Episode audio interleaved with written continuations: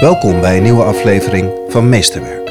Een serie gesprekken over ontwikkelingen binnen het onderwijs. Een antwoord formuleren op de pedagogische vraag van het kind, dat is de mooiste en de uitdagendste, maar ook de moeilijkste opgave die er is. In deze aflevering spreek ik Saskia Snickers. Saskia is van oudsher vrije schoolleerkracht. Vanuit interesse voor specifieke onderwijsbehoeften heeft zij orthopedagogiek gestudeerd en is nu werkzaam als schoolpsycholoog. En daarnaast is Saskia onderzoeker bij het lectoraat Waarde van het Vrije Schoolonderwijs aan de Hogeschool Leiden. Kom ik soms ook nog wel tegen, is dat, dat hoogbegaafdheid een soort didactisch probleem is.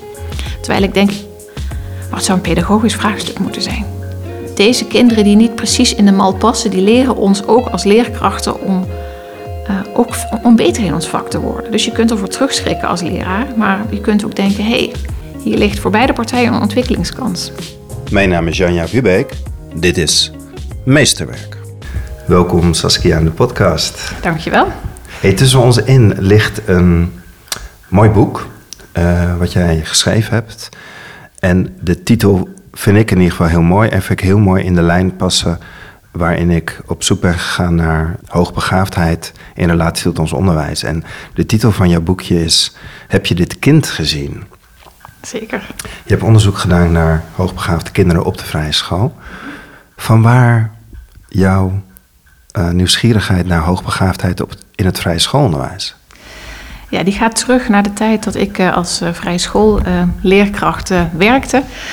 En dat er toch vaak kinderen in mijn klas waren die zeiden: Juf, wat moet je doen als je klaar bent? En uh, nou, dat intrigeerde mij wel. De kinderen waar je uh, naast je standaard lesaanbod zeg maar, uh, um, extra werk voor moest aanleveren. Maar het was niet alleen het extra werk, het was ook soms de vragen die me verrast of die me op een ander been zetten. Nou, dat heeft mij geïntrigeerd. Hè. De kinderen die uh, niet zozeer alleen kinderen die uh, sneller leren, of, of, slimme kinderen, of hoogbegaafde kinderen, of hoe je het zeggen wil. Maar kinderen die iets anders vragen dan het gemiddelde. Hè. Dus ook in, ik vind het ook interessant um, om te kijken naar wat kinderen uh, nodig hebben, die bijvoorbeeld meer dan gemiddeld moeite met leren hebben. Maar de kinderen die iets anders vragen dan het aanbod. Ook de kinderen die soms een beetje het evenwicht kunnen halen, die vragen om ja, toch opnieuw en flexibel en met creativiteit kijken, open kijken naar uh, ja, wat ze nodig hebben. Wat, het allerbelangrijkste, het allerinteressantste vind ik ook, wat heeft het kind dat tegenover me staat eigenlijk nodig? En in die zin is mijn onderzoek wel vrij algemeen van wat, hoe, hoe staat het met de begeleiding van, van hoogbegaafde kinderen op de vrije school. Daar heb ik natuurlijk naar gekeken, daar heb ik een antwoord op geformuleerd. Maar wat ik eigenlijk nog veel interessanter vind, is niet een algemeen antwoord te formuleren, maar specifiek te kijken van ja, wat vraagt het kind dat voor je staat. Dus het gaat en had je, had je het idee in de onderwijspraktijk dat je daar niet altijd aan, aan kon voldoen? Kon je niet elk kind zien? Knelde het voor jou? Ik, ik, merk, ik merk dus soms wel van het, het blijft gewoon wel een zoektocht. En dat maakt het meteen ook, uh, ook wel uitdagend natuurlijk. Hè? Mijn vader, die 40 jaar in het onderwijs werkte, die zei ook altijd van ja, als je in het onderwijs werkt, dat, dat voorkomt dat je naast je schoenen gaat lopen. Want op het moment dat je denkt, nu weet ik hoe het werkt, moet het toch weer even anders. En vooral die hoogbegaafde kinderen, die zijn er heel goed in om je uit te dagen, om steeds te blijven zoeken van ja, nu werkt dit misschien, maar over een tijdje werkt het ook niet. Van, hè, zij, zij vormen steeds een hele mooie spiegel voor mij, ook om in beweging te blijven en heel erg goed te gaan kijken van ja, wat, wat heb je nou eigenlijk nodig om je goed te kunnen ontwikkelen. Dus eigenlijk het aan een antwoord formuleren op de pedagogische vraag van het kind, dat is de mooiste en de uitdagendste, maar ook de moeilijkste opgave die er is. En wat ik nou zo mooi vind aan het vrije schoolonderwijs, is dat het zo eigenlijk integraal naar kinderen kijkt. Mm -hmm. Het kijkt holistisch naar kinderen. En, en als ik dan naar hoogbegaafdheid kijk, dan denk ik, het past zo mooi bij elkaar. Dus uh, op weg naar dit gesprek had ik, ben ik heel benieuwd. De, de, urgentie eigenlijk, omdat ik het idee heb dat er al zoveel ruimte is voor die kinderen om zichzelf te ontwikkelen. Ja, het is natuurlijk op zich, uh, op zich is er ruimte. We willen vanuit de vrije schoolpedagogiek heel graag breed naar kinderen kijken hè, en ze uitdagen om zowel in het denken als in het voelen als in het willen zich te ontwikkelen. Ik vind het wel mooi als je hebt over ja, wat, bedoel je nou precies met het denken. Hè? Dat beschrijft uh, Jack Petresh, die zegt eigenlijk het, met het denken wordt binnen het vrije schoolonderwijs niet zozeer alleen het verwerven van die cognitieve basisvaardigheden bedoeld, maar vooral ook, en dan citeer ik even uit mijn boekje. Maar het gaat ook om het, om het begrijpen en het redeneren. Uiteindelijk gaat denken over, over het ontwikkelen van inzicht in wat het betekent om mens te zijn. Nou, dat natuurlijk zijn hele mooie grote woorden. Wat ik, er, wat, wat ik ermee bedoel is, het gaat niet alleen over het vullen van een vat, hè, maar het ontsteken van een vuur. Hè, hoe kun je kinderen in dat cognitieve stuk ook zo begeleiden dat ze hun vleugels kunnen uitslaan, dat ze geëngageerd aan, het, aan, het, aan de slag gaan. Dus aan de ene kant het denken stimuleren, aan de andere kant ook het willen en het voelen. Hè, van hoe het, het willen, dat gaat er meer over het vermogen om dingen aan te pakken die nodig zijn om te kunnen doen wat je hier te doen hebt. Hè. Dat, dat wordt zichtbaar in het handelen. Soms zie je nog wel een kloof tussen het denken, wat vaak heel snel en eh, handig, wat hoogbegaafde kinderen heel snel en handig kunnen, waar ze grote sprongen maken, originele sprongen, soms ook maar het handelen, het uit je han- handen krijgen van al die of het op de grond zetten van al die prachtige ideeën, dat is nog wel eens een aandachtspunt. En eh, nou, het voelen ook. Het voelen kan begrepen worden als het beleven of het, of het aangaan van een diepe verbondenheid met jezelf, zoals Jack Petresch dat omschrijft. Uh, dat, het gevoel hangt samen met verbinding tussen denken en doen, tussen jezelf en de wereld eigenlijk. En ook dat stuk, hè, het, het verbinden van het denken en het handelen, het denken, het voelen, het willen. Uh, dat zijn natuurlijk de drie pijlers waar de vrije school op, op bouwt. Ik denk dat het een heel mooi uitgangspunt is voor hoogbegaafde kinderen. Maar. Ja, maar. Waar knelt de Je schoen? hoort hem al, hè? Ja. Even terug, voordat we daarin gaan, want, Ja? want, daar- want dat is de kern volgens mij. Kan jij even eh, voor jou omschrijven wat hoogbegaafdheid is? Ja, leuke Want dat, vraag. dat is ook nog wel, eh, Ja. Daar kijken we ook verschillend naar. Ja. Van, van Ja. hoe kijk jij nou, wat is Ja. hoogbegaafdheid? En dan gaan we terug leuk. naar Leuk. denken, voelen, willen. Nou, als je zegt even beschrijven, dat is, misschien, dat is een mooie uitdaging voor mij. Want als je kijkt eh, wat er in de literatuur gezegd wordt, hè, de wetenschappelijke literatuur. Nou, er zijn heel veel definities. Dus je kunt, als je naar Gartner kijkt, eh, volgens Gartner heb je een heleboel verschillende intelligenties. Of, nou, het ligt er maar aan welke kant je, eh, welke definitie je aanhangt, zeg maar. Maar redelijk gangbaar is binnen de wetenschappelijke literatuur wel van we hebben te maken met een hoge intelligentie. En het is altijd lastig om te zeggen waar breken we het precies af. Maar over het algemeen bedoelen we daarmee een IQ boven de 130. En eh, zeg dan niet een kind met een IQ van 129, want dat heb ik ook wel eens scholen die zeggen: ja, maar het kind is niet hoogbegaafd, want hij komt uit op 129. Nou, hè, daar wil ik het helemaal niet over Nee. hebben, want het gaat over dat die kinderen gewoon op een significant andere manier denken en naar dingen kijken. Dan, en of dat nou 125 is of 135, maar goed, ergens in die richting. Er wordt gezegd in de literatuur boven de 130. En daarnaast een bijzondere taak, opvallend grote taakgerichtheid laten zien. Beter gezegd, kunnen laten zien. Want als het aan onderwijs niet passend is, dan kan die taakgerichtheid enorm achteruit eh, eh, denderen, zeg maar. En daarbij een opvallende creativiteit. En het gaat er niet zozeer over tekenen en schilderen, maar wel over eh, het creatief zijn in denken, in het vinden van oplossingen. Dus hoge intelligentie, eh, bijzondere sterke taakgerichtheid en ehm, opvallende creativiteit. En er wordt wel gezegd van, nou ja, die, die drie, eh, als je die eh, drie cirkels, zoals ehm, dat, dat wel beschreven wordt, als, als die aanwezig zijn, dan kan eh, hoogbegaafdheid groeien. Als school en de ouders en de peers, hè, dus de, de kinderen eromheen, als die dit be- bemoedigen. En nou, het goede nieuws is dat school, natuurlijk ook de ouders en ook de peers, hier invloed op hebben. En die invloed, dat is natuurlijk interessant, want dat maakt dat wij ehm, ontwikkeling kunnen stimuleren. Ja, dat is de omgeving. Dat is de omgeving. Ja, en dan Ja. komen we op school. Ja. En als je die drie over de drie van het vrije schoolonderwijs heen legt, die je net zo mooi benoemt, van eh, het denken, willen, voelen. Hoe, hoe verhoudt zich dat tot elkaar? Het is hoogbegaafde kinderen zijn sowieso moeilijk om in een malletje te vatten. Hè? Dus wat dat Ja. betreft is dit een lastige vraag. Maar ik denk wel dat je kunt zeggen, eh, de kwaliteit ligt wel bij de meeste hoogbegaafde kinderen echt in het ehm, denken. Ik wil niet zeggen dat ze niet kunnen voelen of dat ze niet hè?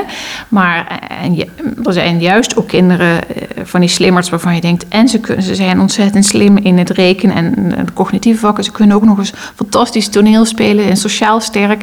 Maar eh, hè, er zijn natuurlijk als ik gewoon als schoolpsycholoog op scholen rondloop en de vragen die ik krijg, hè, dus de kinderen die dat allemaal kunnen, dat zijn niet de kinderen waar we vragen over krijgen. De, de kinderen die, ondanks dat ze heel slim zijn, moeilijk aan het werk te krijgen zijn. Hè, dus het aangaan, ook door de weerstand heen, het stukje ontwikkelen van de wil, Dat is wel een uitdaging. Kijk, daar gaat het schuren. De kinderen ook die op het moment dat ze weerstand ervaren of iets niet zo goed kunnen, die dan stoppen met werken bijvoorbeeld. Nou, dan wordt het, uh, dan wordt het spannend en interessant. En dat zijn, zijn ook de kinderen waar de scholen mee tobben. En dan bellen ze jou. Dan bellen ze mij soms, ja. ja. en dan mag ik meedenken. En het is altijd weer een mooie puzzel om te kijken van ja, hoe krijgen we er beweging? Ik ben niet voor niks eh, aan promotieonderzoek aan doen over, niet alleen over hoogbegaafdheid, maar specifiek engagement voor het leren. Niet alleen eh, start, kunnen starten met een taak, maar ook het kunnen vasthouden van een taak. Nou, dat is, uh, dat is gewoon een levensgrote vraag in het onderwijs. Van ja, hoe, do hoe doen we dat nu? Nou, vertel. Je bent op onderzoek gegaan. Nou, ik heb gekeken, ik heb vragenlijsten, ik heb heel veel gesprekken gevoerd op scholen met kinderen, met ouders. Veel scholen hebben eh, respons gegeven, dus dat is mooi. Eh, eigenlijk heel open de vraag gesteld van ja, hoe staat het ermee met, het vrij, met de begeleiding van de hoogbegaafde kinderen op de vrije school? Doen jullie daar iets mee of doen jullie daar niks mee? Uh, wat gaat er goed? Wat is er misschien nog een aandachtspunt? Wat kunnen we verbeteren? Nou, dat zijn eigenlijk de vragen waarmee ik uh, op pad ben gegaan, althans voor dat onderzoek. En dat de respons zo hoog is, het betekent dat, dat, het, dat het herkend wordt? Dus dat er urgentie in de praktijk is om hier iets mee te doen? Nou, dat is wel wat ik geproefd heb uit de reacties die ik gekregen heb, ja. En het goede nieuws is ook dat, dat de hoogbegaafdheid onderhand moet ik wel zeggen, tot mijn opluchting nu ook wel op, bijna alle scholen toch wel op de kaart staat. Ik was ook drie weken geleden op, op een school en daar zeiden ze: nee, nee, we hebben geen hoogbegaafde leerlingen. Dan denk ik, nou, dat is interessant hè. Als je het hebt over een. Uh, over een middelbare school met, uh, weet ik, 700 leerlingen of zo. Dat is interessant. Maar over het algemeen um, zie je dat scholen echt zeggen, ja, we hebben daar een vraag, we worstelen daar ook mee en het heeft onze aandacht. En ik denk dat dat altijd een goed begin is. Hè? Dat je erkent van, hé, hey, dit, is, dit is iets waar we wat mee moeten en waar we iets mee willen.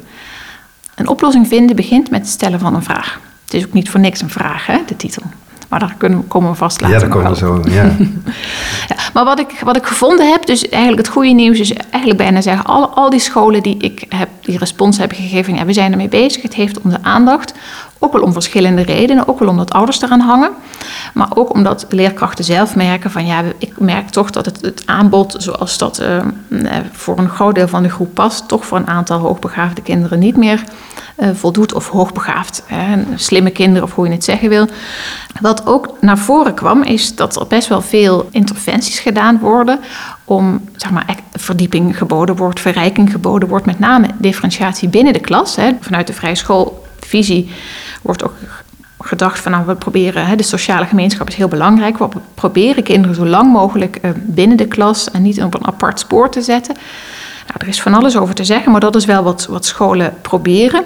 Sterke punten zijn ook dat er binnen periodeonderwijs, er wordt gedurende drie of vier weken, de eerste twee uur aan het begin van de ochtend aan een bepaald onderwerp gewerkt. Ik zal maar zeggen dierkunde of uh, meetkunde. Nou zeggen de, de Egyptenaren. En dat zijn natuurlijk wel vakken waar je heel mooi kan differentiëren. Open opdrachten kun je eh, zo moeilijk en zo makkelijk maken als dat je wil. En daar komen vrije schoolleraren best wel een, een end mee. Ook de mogelijkheid om breed, kinderen breed uit te dagen, omdat er ook veel kunstzinnige vakken aangeboden worden. Nou, dan heb je het over, ook over. En, en bijvoorbeeld handenarbeid, hè, dat is echt bij uitstek een een vak dat ook een beroep doet op het willen. Hè. Laat het maar uit je handen komen. Koper slaan, hè. daar moet je echt in beweging komen. Dat kan je niet alleen bedenken, een koperen bol maken. Dat moet je ook echt gewoon doen. En dan moet je ook soms met bloed, zweet en tranen. Ik denk dat er hele mooie kansen liggen voor hoogbegaafde kinderen... die super sterk kunnen zijn in dingen uitdenken. Maar ja, je moet toch echt 10.000 keer met een hamertje op een stukje koper slaan... wil je het echt uit, uit je handen krijgen. Dus daar liggen in het brede curriculum liggen veel kansen. Wat wel interessant is, um, is dat je ziet dat bijna alle interventies die scholen beschrijven, en waar ik natuurlijk ook verheugd over ben, dat die gaan over het versterken van de competentie van de leerling. dus vaak ook wel het uitbreiden of het verdiepen van dat waar kinderen goed in zijn. Dus als je goed bent, of als je erg van geschiedenis houdt, dan geven we nog een moeilijker, eh, mooi werkstuk over bepaalde Egyptische goden bijvoorbeeld. Of als je goed bent in rekenen, dan geven we vast een boekje wiskunde. Ik denk zeker dat scholen dat moeten doen. Hè, dus dat wil ik heel, uh, heel, dat is een heel goede interventie. Daar zet ik ook met plezier een uitroepteken achter. Ik denk van yes, mooi dat scholen dat doen. Maar wat misschien nog wel interessanter is voor deze kinderen, is ook van durven we aan te gaan, omdat waar het moeilijk wordt, om dat aan te bieden. Durven we kinderen te, kunnen we kinderen begeleiden in het aangaan van weerstanden? En, want dat is toch wel de zorg, ook als we in onderzoeken kijken naar dat er best wat hoogbegaafde kinderen zijn die, die uitvallen, hè, die toch school verlaten of uh, um, als je het over het middelbaar onderwijs hebt, niveaus zakken, hebben ze geleerd om om te gaan met dingen die ze moeilijk vinden. Nou, op zich denk ik dat ook het vrije schoolonderwijs daar um, veel ruimte voor biedt in het curriculum, maar dat is wel nog een aandachtspunt. Hè. Als ik gewoon puur kijk naar wat de scholen teruggeven, dan zie je versterken van uh, de competentie. Wat, wat ik een hele, eigenlijk een eye-opener vond, is als je het hebt over nou, even een andere invalshoek, misschien maar de zelfdeterminatietheorie. Mm -hmm. Die beschrijf ik ook in het boekje. Dat gaat eigenlijk over de psychologische basisbehoeften van de mens. En dat gaat over alle mensen in alle culturen, alle leeftijden. En er wordt eigenlijk gezegd, om je goed te kunnen voelen, om gemotiveerd te kunnen werken, is het belangrijk dat er voldaan wordt aan de drie basisbehoeften, namelijk behoefte aan competentie, relatie en autonomie. En al die scholen, nogmaals, waar ik wel verheugd over ben, die zijn hartstikke hard aan het werk om die competentie te versterken. Maar over de relatie, daar wordt eigenlijk bijna niks over gezegd. En over de autonomie eigenlijk al helemaal niet. Dus ik denk ook als je, als je nou nog hand, hè, als we nou nog een stap verder kunnen gaan zetten, want we hebben nog steeds heel veel vragen over hoe we die kinderen kunnen begeleiden. Dan denk waar, ik, waar, waar zit dat in? Want het is juist zo de kern van het vrije schoolonderwijs, zoals je net ook zo mooi omschrijft. En, en hoe ik de vrije scholen ken, is daar een enorme community. Er is heel veel samen. Ja. Het is heel veel in, dat je alleen al in die jaarklassen met elkaar blijft zitten, ja. is daar ook al een, een uitgangspunt in. Dus het is heel erg op die relatie gebouwd. Ja. Ik heb daar ook naar gezocht van hoe dat nou kan. Ook met de mensen die met mij samen hebben gewerkt met het onderzoek. Van misschien is het er wel, maar zijn de scholen het zich ook niet bewust. want juist het vieren van bijvoorbeeld de jaarfeesten. Er staat ook een foto over een Pinksterfeest in dit boek. En dan zie je dat is, dat is eigenlijk een en al verbondenheid. In principe worden de kinderen krijgen iedere ochtend een hand. En er wordt een prachtig getuigschrift met een spreuk speciaal voor dat ene kind geschreven aan het eind van het jaar. Dus er, is wel uh, veel aandacht voor relatie. Maar er wordt, het, het is niet iets wat naar voren komt uit dit onderzoek. En, uh, dus je zou kunnen zeggen, als oh, scholen hebben niet gewoon vergeten op te schrijven, omdat ze dat zo vanzelfsprekend vonden. Terwijl aan de andere kant is het als ik met ouders spreek van kinderen die toch van school zijn gegaan, zijn ze niet van school gegaan omdat ze niet genoeg verdiepingsopdrachten hebben gekregen, meestal. Maar toch omdat ze zich niet genoeg gezien hebben gevoeld of niet gehoord hebben gevoeld. Dus dat is toch die relatie, dat is toch een soort, soort soort pijler waarvan ik, van ik gewoon dit echt als vraag wil meegeven. We, we, kunnen dat heel goed op de vrije school, maar misschien moet het in deze tijd ook nog een stap bewuster van we doen de dingen, we vieren die feesten niet zomaar omdat, omdat Steiner dat toen gezegd heeft. Nee, dat vieren we omdat we het belangrijk vinden om kinderen echt te zien en om de verbondenheid waar, die wij zo uh, voor ogen hebben, om, die, uh, ja, om dat te oefenen door het vieren van feesten bijvoorbeeld en ook te ervaren natuurlijk. Als ik nog heel even terug het laatste stapje mag zeggen over die autonomie. Want dat is nog wel een, een, een, dat is een. Dat is iets wat mij ook echt triggert. En autonomie gaat niet over uh, doen, doe maar wat je wil. Maar het gaat over het ervaren van een soort ruimte die je hebt om jezelf te mogen zijn. En ook om bijvoorbeeld de keuzes te kunnen maken die jij wil maken. Maar als je naar het vrije schoolonderwijs kijkt, dan zie je dat toch best wel, hè, ondanks dat er heel veel ontwikkeling wel is op het vlak, toch best wel klassikaal les wordt gegeven. Dus we doen het wel zo. En als je gaat vormtekenen, nou, dan doen we dat wel precies op die manier. En dat is wel een. Uh, uh, er is vrij. Uh, er wordt ook niet expliciet benoemd van wij uh, ondersteunen onze hoogbegaafde leerlingen doordat we ze autonomie bieden. Misschien is het nog onontgonnen terrein, maar ook, ik denk dat daar echt wel een kans ligt. En het is meer van, kijk, als je, als je ziet, uh, de, de focus ligt dus op de competentie, wat mooi is, maar wat volgens mij ook niet voldoende is. Hè. Dat, dat, we kunnen nog echt een slag hierin in slaan. Als ik het even scherp zeg, hè, om mensen te, mm -hmm. te prikkelen, kom ik soms ook nog wel tegen is dat, dat hoogbegaafdheid een soort didactisch probleem is. Terwijl ik denk, is het nou een. Het zou geen didactisch, didactisch probleem moeten zijn. Waar je in die, aan die competentiekant en moeilijke opdrachten of compacten best wel een oplossing kunt vinden. Maar het zou een pedagogisch vraagstuk moeten zijn. En hè, dus echt de vraag van niet van wat, wat heeft het kind of wat is het kind, namelijk hoogbegaafd, maar wat heb je nodig? En dus echt hè, dat kind met die blauwe of die bruine ogen dat tegenover je staat, dat je echt kunt zien van ja, wat heb jij nou nodig om um, te, te mogen worden wie je bent? En dat zie ik nog. Kijk, de filosofie is prachtig. Maar ik zie soms ook nog wel op scholen dat dat uitgangspunt is worden wie je bent. Maar dan specifiek uitdagen in dat stuk van het denken, dat is soms wel ook een beetje lastig. Hoe zou je dat omschrijven, worden wie je bent? Ik vind het ook een moeilijke zin. Nou, ik denk dat het er eigenlijk uiteindelijk om gaat van, van kun je de, dat wat jij in, uh, in, het leven voor elkaar wil krijgen, uh, de rode draad die in jou, uh, de talenten die in jou zitten, kun je die zo optimaal mogelijk tot bloei laten komen. En dat is natuurlijk heel mooi gezegd. Hè? Van, het klinkt ook alsof er heel veel ruimte is. En dat vind ik soms het weer barstiger met de praktijk. Dat je soms ziet van ja, je mag wel worden wie je bent. En we, hebben ook wel een heel breed curriculum. Maar het is ook wel een beetje ingewikkeld als je, als je vooruit wil of als je sneller wil. Uh, en dan loop ik soms ook wel tegen het spanningsveld aan dat ik leerkrachten en mentoren zie die echt heel erg op dat pedagogische vlak heel sterk zijn en zien van ja, het is bijvoorbeeld heel goed om een, om een aangepaste route te doen, maar dan zit er toch de structuur en zitten daar teamleiders boven die, uh, kijk, het, het, het, is ook gewoon ingewikkeld soms als kinderen niet in een malletje passen, hè, wat ik natuurlijk ja. eerder ook zei. Ja, en er is toch ook een mal in, in het vrije schoolonderwijs, beluister Ik denk dat er een mal is en ik denk ook dat het een mooie uitdaging is. Kijk, ik denk wel dat het goed is als je duidelijke uitgangspunten hebt. Maar de oproep is wel heel hartelijk. Omdat ik denk dat het de kinderen en de scholen ook uiteindelijk helpt. Durf, durf met een open blik te kijken. Er is ook heel veel onderzoeken naar gedaan. En uh, bijvoorbeeld uh, wordt gezegd van... ja, wat heeft een hoogbegaafd kind nou... wat voor leraar moet je nou zijn... om een hoogbegaafd leerling goed te kunnen begeleiden? Er wordt ook gezegd... wees onbevooroordeeld. En ook humor is ook belangrijk, hè? maar ook flexibiliteit. Ja, en dat, uh, dat deze kinderen die niet precies in de mal passen... die leren ons ook als leerkrachten om... Uh, ook om beter in ons vak te worden. Dus je kunt ervoor terugschrikken als leraar, maar je kunt ook denken: hé, hey, hier ligt voor beide partijen een ontwikkelingskans. Je moet me even helpen, want dit, um, het, het, kraakt een beetje in mijn hoofd.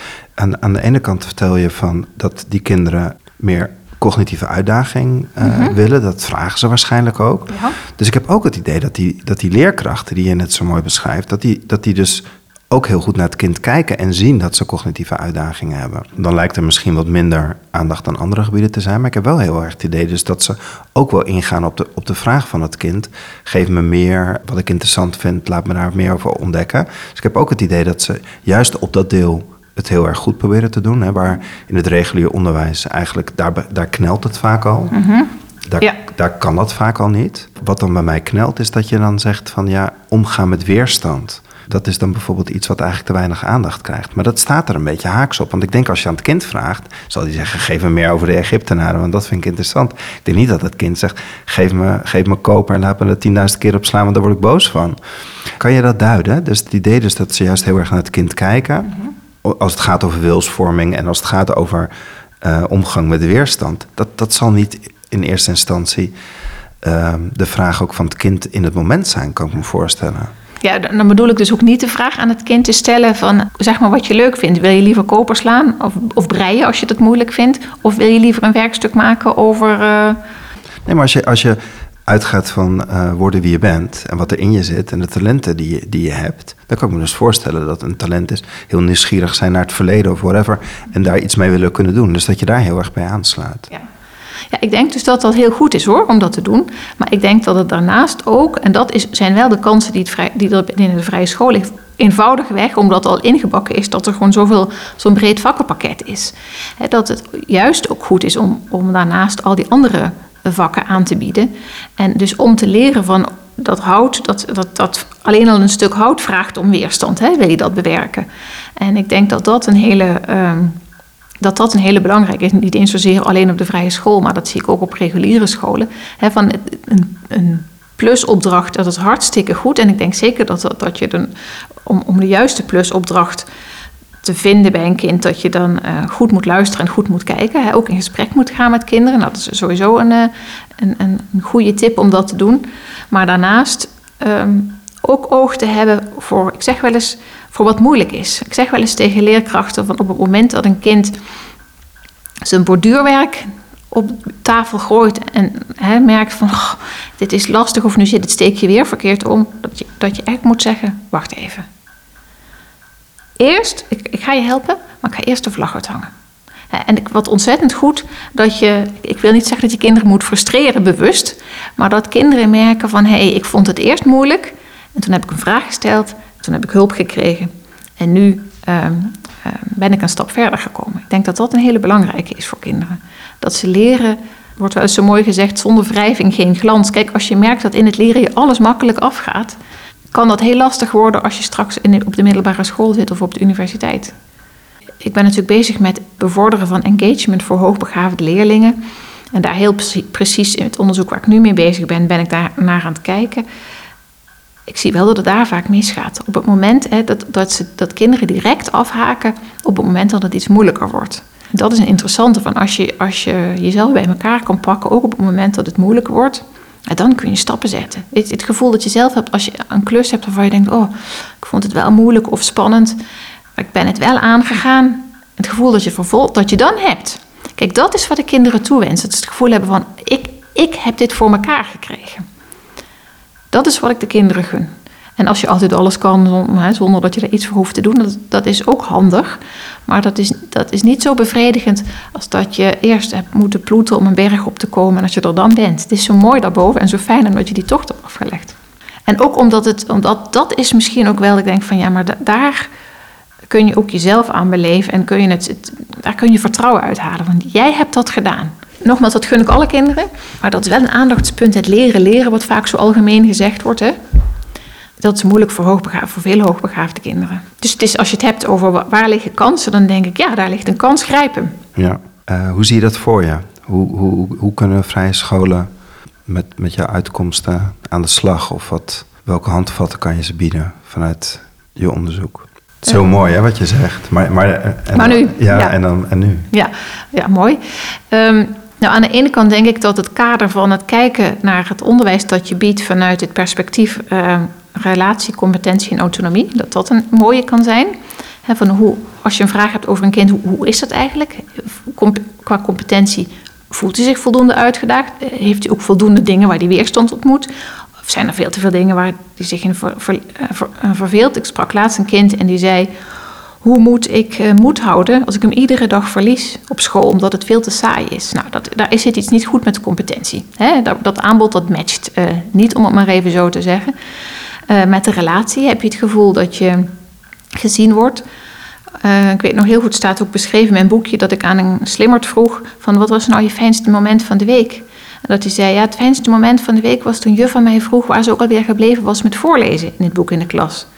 En dat denk ik een beetje een, apart antwoord misschien, want dan heb ik doorgevraagd. Dan zei ja, maar toen wist ik dat juf weet dat ik goed ben in dat soort dingen.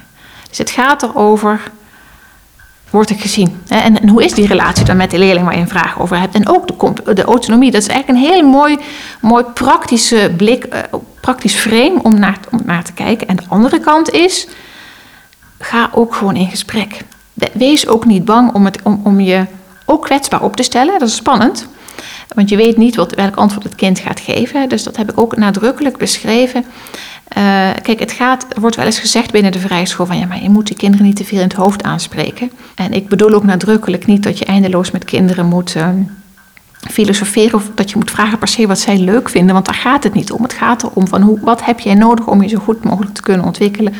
Ik zeg wel eens, het gaat niet over dat ik het hoofd wakker wil maken. Maar ik wil wel licht schijnen over wat er al wakker is. Licht helder maken wat er al wakker is. En dat kun je ontzettend mooi doen door een kindgesprek.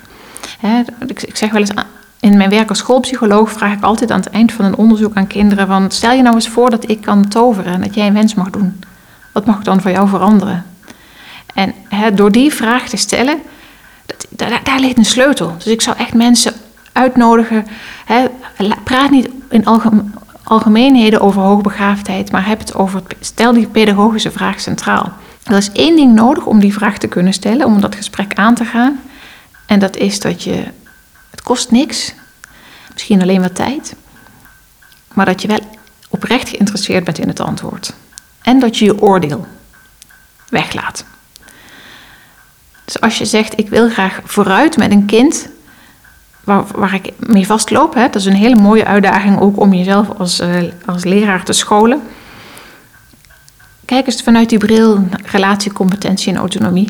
En ga gewoon eens in gesprek met het kind. En wees ook daarbij niet bang voor ouders, want het zijn ook het zijn deskundigen op dit gebied. En ook daarin zie ik toch nog veel te vaak op scholen toch een soort, dus misschien niet alleen op vrije scholen hoor, maar een angst van, oh maar die ouders.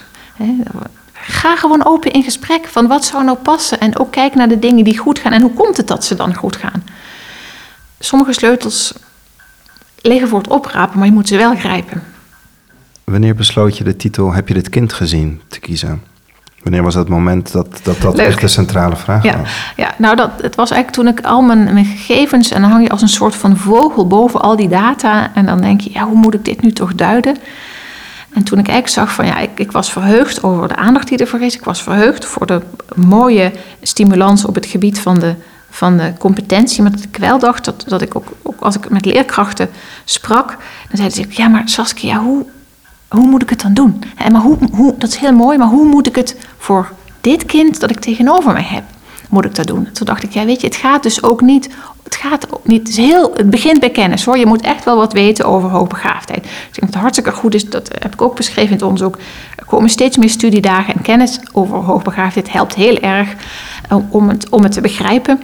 Maar uiteindelijk is het belangrijk om van de algemene kennis die je hebt over hoogbegaafdheid te komen tot, ja, wat betekent dit voor dit kind in deze klas? Wat heeft dit kind nou nodig? En daarvoor is het belangrijk om, om de kinderen te gaan zien. De titel was namelijk eerst, dus dat is een ontboezeming die ik hier wel even dan wil doen. Heb je het kind gezien? Toen heb ik daar een tijd mee rondgelopen. Toen dacht ik uiteindelijk, ja, maar dat vind ik nog niet specifiek genoeg. Het gaat niet over het kind, dat is weer algemeen. Het gaat over dit kind. Ja, in de serie die ik gemaakt heb over hoogbegaafdheid zijn de kinderen die daarin komen, eh, allemaal zeggen ze: zie mij, stel mij een vraag. Dat is eigenlijk het enige. Als ik dan vroeg van, hey, wat, wat, wat, wat kunnen leerkrachten nou van jou leren, is zie mij, stel mij een vraag. Maar dat is, dat is dus eigenlijk ook precies wat ik bedoel met relatie. Kijk, als, want je bent het helemaal met je eens als je zegt van er is namelijk veel aandacht voor de relatie. Hè, daar wil ik, hè, daar, wil ik ben ik heel trots op dat de vrije scholen daar zo sterk in staan. Maar dat je ziet dat toch voor deze kinderen, dat, het, dat daar soms een sleutel ligt waar ze overheen kijken. want je kunt wel denken, of, of over de hoofden van de kinderen heen misschien investeren in de relatie, maar het is wel belangrijk dat zij het ook merken. Nou, dat, dat is interessant dat scholen dat ook, ook niet, niet zozeer noemen, terwijl het wel juist de kinderen die, waar het heel goed mee is gegaan, maar dat kwam ook door die meester. Weet je, dat ik, dat, ik van die meester mocht ik, mocht, ik, mocht ik schaken in de tijd. Voelt het voor jou ook kwetsbaar dat je in de vrije school dan eigenlijk ook op zoek gaat naar de fundamenten van de vrije school? Waarin je dan toch ook nog wel punten aanwijst waar het versterkt of verbeterd zou kunnen worden? Ja, soms wel. Ja, ik, het is nou, ik vind het een prachtige vorm van onderwijs, maar je ziet gewoon dat het ook soms nog knelt. En ik denk dat, dat ik schroom ook niet om het te benoemen en niet om te zeuren. Maar wel omdat ik denk van ja, daar waar het knelt kun je zoeken naar oplossingen. En dan kunnen we gewoon toch naar zoeken van hoe kunnen we ons onderwijs nog passender en nog beter maken. Ik, ik ben altijd gericht op ontwikkeling. En ja, op de dingen die goed gaan, dat is fijn. Maar de dingen die schuren, daar kunnen we dingen van leren. Dus het is, mijn, mijn zoektocht is altijd gericht op hoe kunnen we het, hoe kunnen we de kinderen, de ontwikkeling van de kinderen stimuleren. Zo goed mogelijk. Dan zei je ergens in de tussenzin, beluister ik volgens mij dat dit boekje een tussenstation is. Mhm. Ja? Wat is de volgende stap? Ja, Waar ben je nou op hè? Ja, nou, ik heb natuurlijk net gezegd, kijk met de blik van relatie, competentie en autonomie. Die zelfdeterminatietheorie, dat geldt voor alle kinderen. En heel veel onderzoek naar gedaan. Je wordt er gelukkiger van. Het is, eh, kinderen presteren beter, je, kan beter, je bent gemotiveerder. Maar ik heb een um, stil vermoeden dat voor, en dat is gebaseerd op, uh, dat is niet zomaar, op mijn gewoon vele observaties die ik als schoolpsycholoog gedaan heb. Tenminste, de kinderen waar vragen over waren. Hè.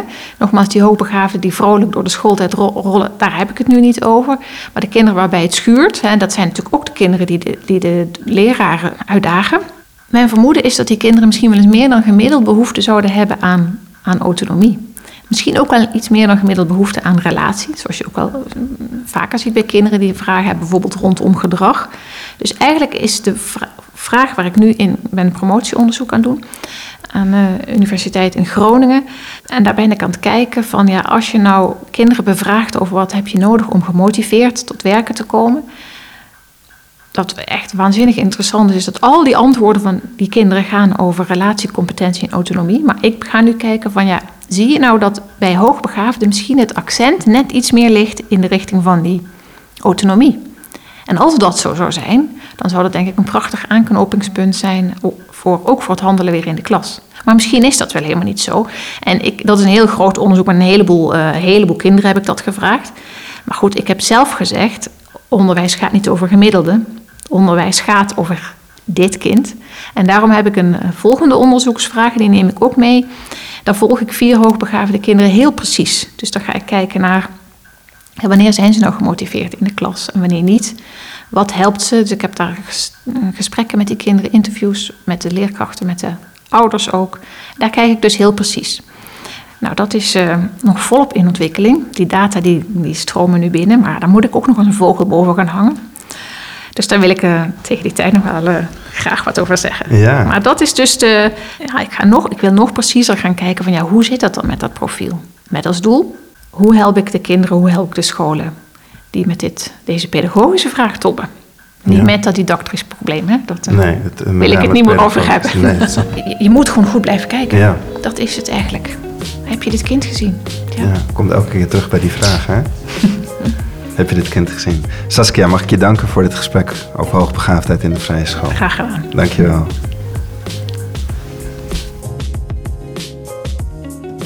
Het lectoraat Waarde van Vrije Schoolonderwijs richt zich op het versterken van de doelen waar het vrije schoolonderwijs voor staat. Zoals het realiseren van een brede en evenwichtige ontwikkeling van denken, voelen en willen bij kinderen, zodat zij innerlijk vrije en verantwoordelijk en moreel handelende volwassenen worden.